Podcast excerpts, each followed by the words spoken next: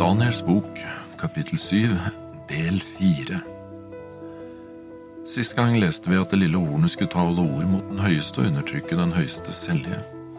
Rom var en undertrykkende makt, selv lenge før det lille hornet trer inn på arenaen.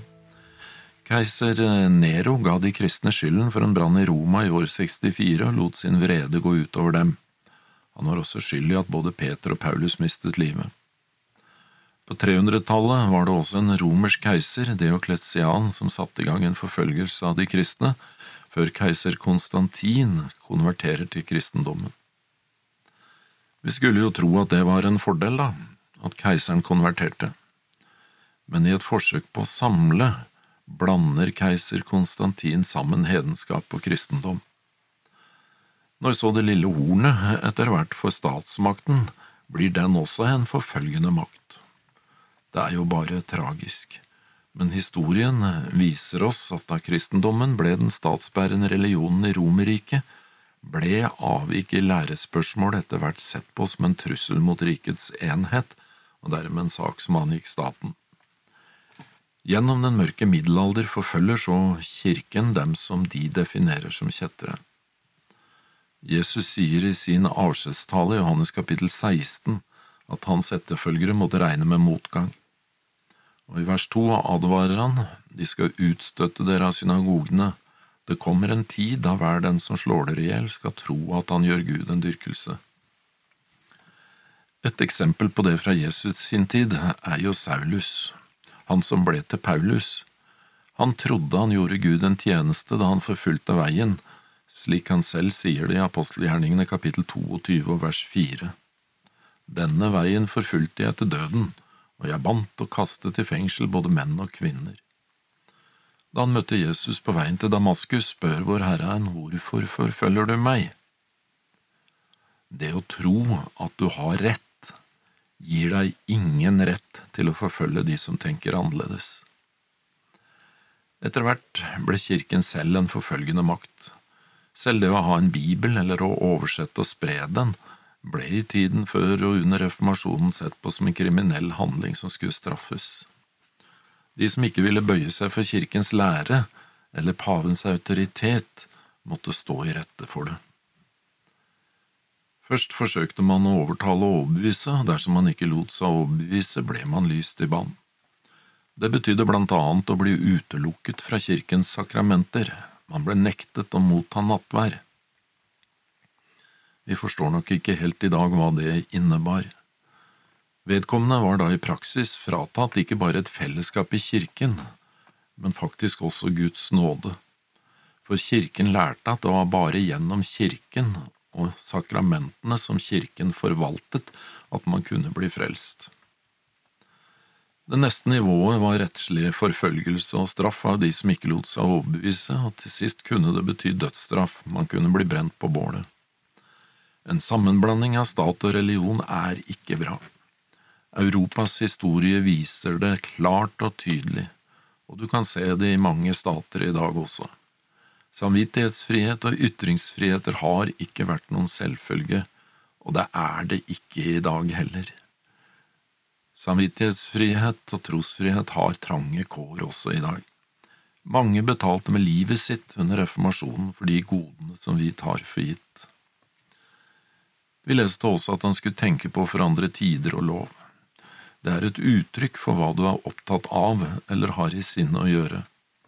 Selv om noen har tenkt på, til og med forsøkt å forandre Guds lov, så er den ikke forandret. Jo, de har forandret den i sin lære og i sine skrifter, men Guds lov er likevel ikke forandret. Den står fast. Lov er oversatt fra samme ordet som kong Dareios bruker i Daniel kapittel 6 vers 13. Det inneholder ideen om uforanderlighet.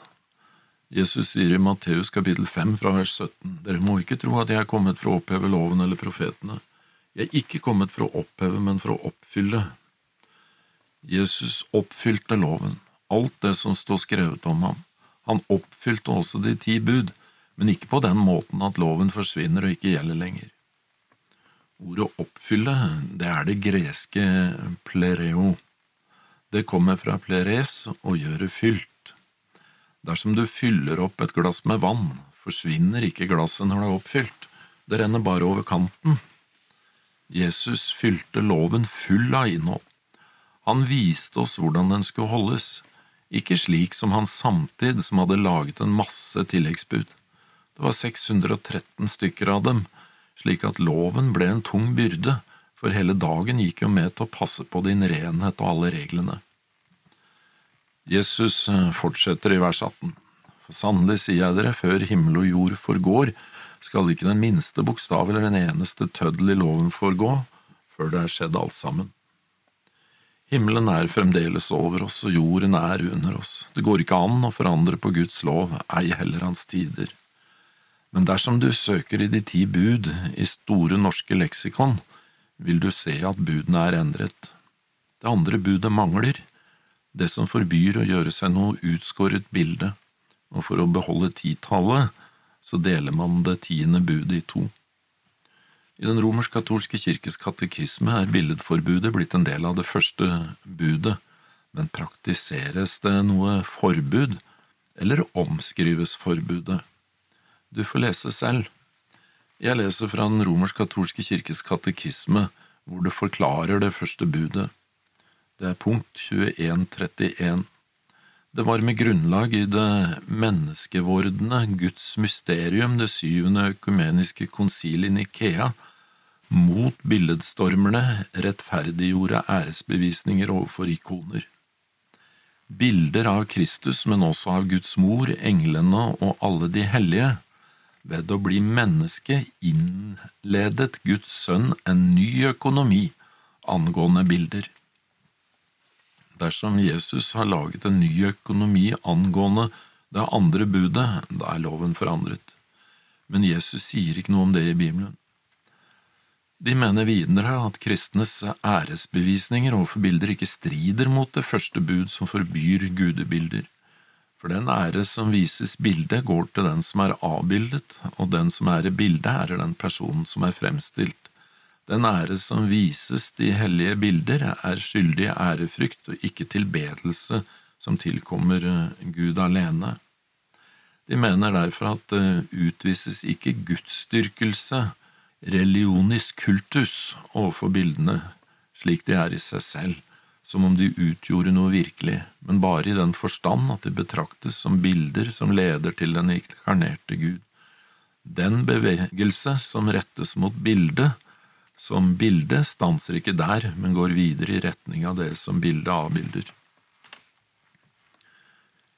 Historien viser oss at hviledagen også er forandret. Folk flest tror at den kristne hviledag er søndag, og at den erstatter sabbaten. Men er det riktig? Selv sier den romersk-katolske kirken sin katekisme at søndagen er oppfyllelsen av sabbaten. I katekismen deres, punkt 2175, står det Søndag skiller seg uttrykkelig fra sabbaten, som den hver uke følger rent kronologisk, og den gudstjenestelige overholdelse av den kommer for kristne i sabbatens sted. I Kristi påske fullender den jødiske sabbats åndelige sannhet og innevarsler menneskets evige hvile i Gud. For lovens gudstjenesteliv banet veien for Kristi mysterium og det som der ble gjort, bar i seg trekk som viste hen til Kristus. De som levde etter tingenes gamle orden, er kommet til det nye håp og overholder ikke lenger sabbaten, men Herrens dag, hvor vårt liv signes av ham og hans død. Men er sabbaten jødisk? Nei, den er ikke det. Sabbaten dukket ikke opp første gangen på Sinai og er ikke gitt spesielt til jødene. Det fantes ikke en jøde da sabbaten ble innstiftet ved skapelsen. Ifølge Nye testamentet er det Jesus som var den som skapte. Johannes 1,3 leser vi at alt er blitt skapt ved ham, og uten ham er ikke noe blitt til av alt det som er blitt til. Det innebefatter også sabbaten. I Hebreerne 1 vers 2, ved ham, det er Sønnen, med andre ord Jesus, har han også skapt verden. Så det er Jesus som har innsatt sabbaten, og han gjorde det allerede ved skapelsen. Ikke rart at Herren i Jesaja 58 og vers 13 kaller sabbaten for min hellige dag, eller at Jesus sier i Matteus kapittel 12 og vers 8 for menneskesønnen er herre over sabbaten. Du finner ikke et eneste sted i Bibelen at sabbatens herre har sagt noe eller påbudt noe om at hans hviledag skal endres. Tvert imot. Du finner altså et uh, utsagn om at det lille hornet skal tenke på for andre tider og lov. Det står heller ikke noe om at søndagen er en dag som er satt til side og velsignet, slik det står om sabbaten. Kirken bruker altså uttrykket Herrens dag. Leser ifra Den katolske katekisme, punkt 1166. Påskemysteriet feirer Kirken på den åttende dag i samsvar med den apostoliske tradisjon, som stammer fra selve dagen for Kristi oppstandelse. Denne dag, søndagen, kalles da med rette Herrens dag. Dagen for Kristi oppstandelse er på samme tid ukens første dag til minne om skapelsens første dag, og den åttende dag, da Kristus etter sin store sabbatsvilje innleder den dagen som Herren har skapt, den dagen som ingen nedgang kjenner. Herrens nattvær er dens midtpunkt, for her møter de troendes menighet den oppstandende Herre, som byr dem inn til sitt festmåltid. Det er altså ikke Bibelen men tradisjonen som ligger til grunn. I Åpenbaringen 1.10 er uttrykket Herrens dag brukt. Kirken mener det er et uttrykk for at Johannes var bortrykket på en søndag, og at søndag derfor er Herrens dag. I katekismen står det i punkt 2177 søndagens feiring av Herrens dag og eukaristi er selve hjertet i kirkens liv. Søndagen hvor påskemysteriet feires etter katolsk etter apostolisk tradisjon, skal i hele kirken overholdes som den opprinnelige påbudte festdag. Den kristne skikk å komme sammen søndag stammer fra begynnelsen av den apostoliske tid. Tradisjonen går ikke tilbake til apostlene, for de holdt sabbat, den går tilbake til keiser Konstantin i hans forsøk på å samle hedenskap og kristendom. Den 7. mars 321 etter Kristus ble første lov gitt som satte søndag til side som hviledag. Denne lov formante alle mennesker i byer og landsbyer å hvile på søndagen mens bøndene fikk lov å arbeide. I 325 etter Kristus forandret biskop Sylvester i Rom, i kraft av sin såkalte apostoliske autoritet, navnet på den første dag i uken til Herrens dag. Kirken viser til sin autoritet og mener de har rett til å endre hviledagen. Dersom du søker på Herrens dag i Norsk Bibel 88, vil du få opp 21 vers. Herrens dag er ikke et uttrykk for en ny hviledag, men både i Gamle testamentet og Nye testamentet en referanse til Jesu andre komme. Det som står i Åpenbaringen 1 vers 10 og 11 er, Jeg var bortrykket i ånden på Herrens dag, og jeg hørte bak meg en veldig røst liksom en basun, som sa, Det du ser, skriv det i en bok og send det til de sju menigheter. Hele Johannes' åpenbaring peker fram mot Jesu andre komme, så jeg tror det er et uttrykk for at Vår Herre i synet viser Johannes' begivenheter helt ned til Jesu andre komme, til Herrens dag. Men dersom det allikevel skulle være en referanse til en ukedag, ja, så måtte det være på en lørdag, for sabbatsdagen, for det er den eneste dagen i Bibelen som Herren hevder er Hans hellige dag. Jesus selv holdt sabbaten. Han hvilte til og med sabbaten over i graven etter korsfestelsen. Apostlene holdt sabbaten, og Jesaja skriver også i kapittel 66 vers 23 at vi skal holde sabbaten også etter Jesu andre komme. Og det skal skje nymåne etter nymåne og sabbat etter sabbat. Alt kjød skal komme for å tilbe for mitt åsyn, sier Herren. Men hvordan skal vi vite at det er lørdag som virkelig er den syvende dag? Neste gang skal vi se mer på det.